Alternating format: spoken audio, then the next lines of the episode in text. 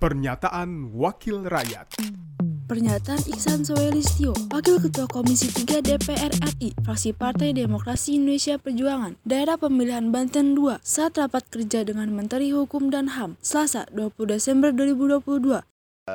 pada pemilu 2019 pemantauan Komnas HAM ada data-data atau situasi di mana em, apa rutan ataupun lapas itu tidak ketersediaan surat suara dan lain-lainnya.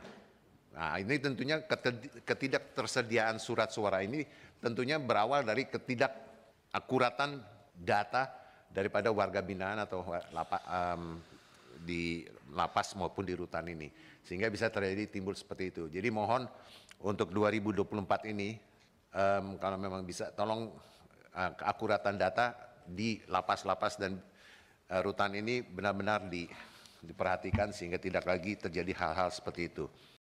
Pernyataan Iksan Soelistio, Wakil Ketua Komisi 3 DPR RI, fraksi Partai Demokrasi Indonesia Perjuangan, Daerah Pemilihan Banten 2, saat rapat kerja dengan Menteri Hukum dan HAM, Selasa Pernyataan 20 Desember Wakil Rakyat. 2022. Produksi TV dan Radio Parlemen, Biro Pemberitaan Parlemen, Sekjen DPR RI.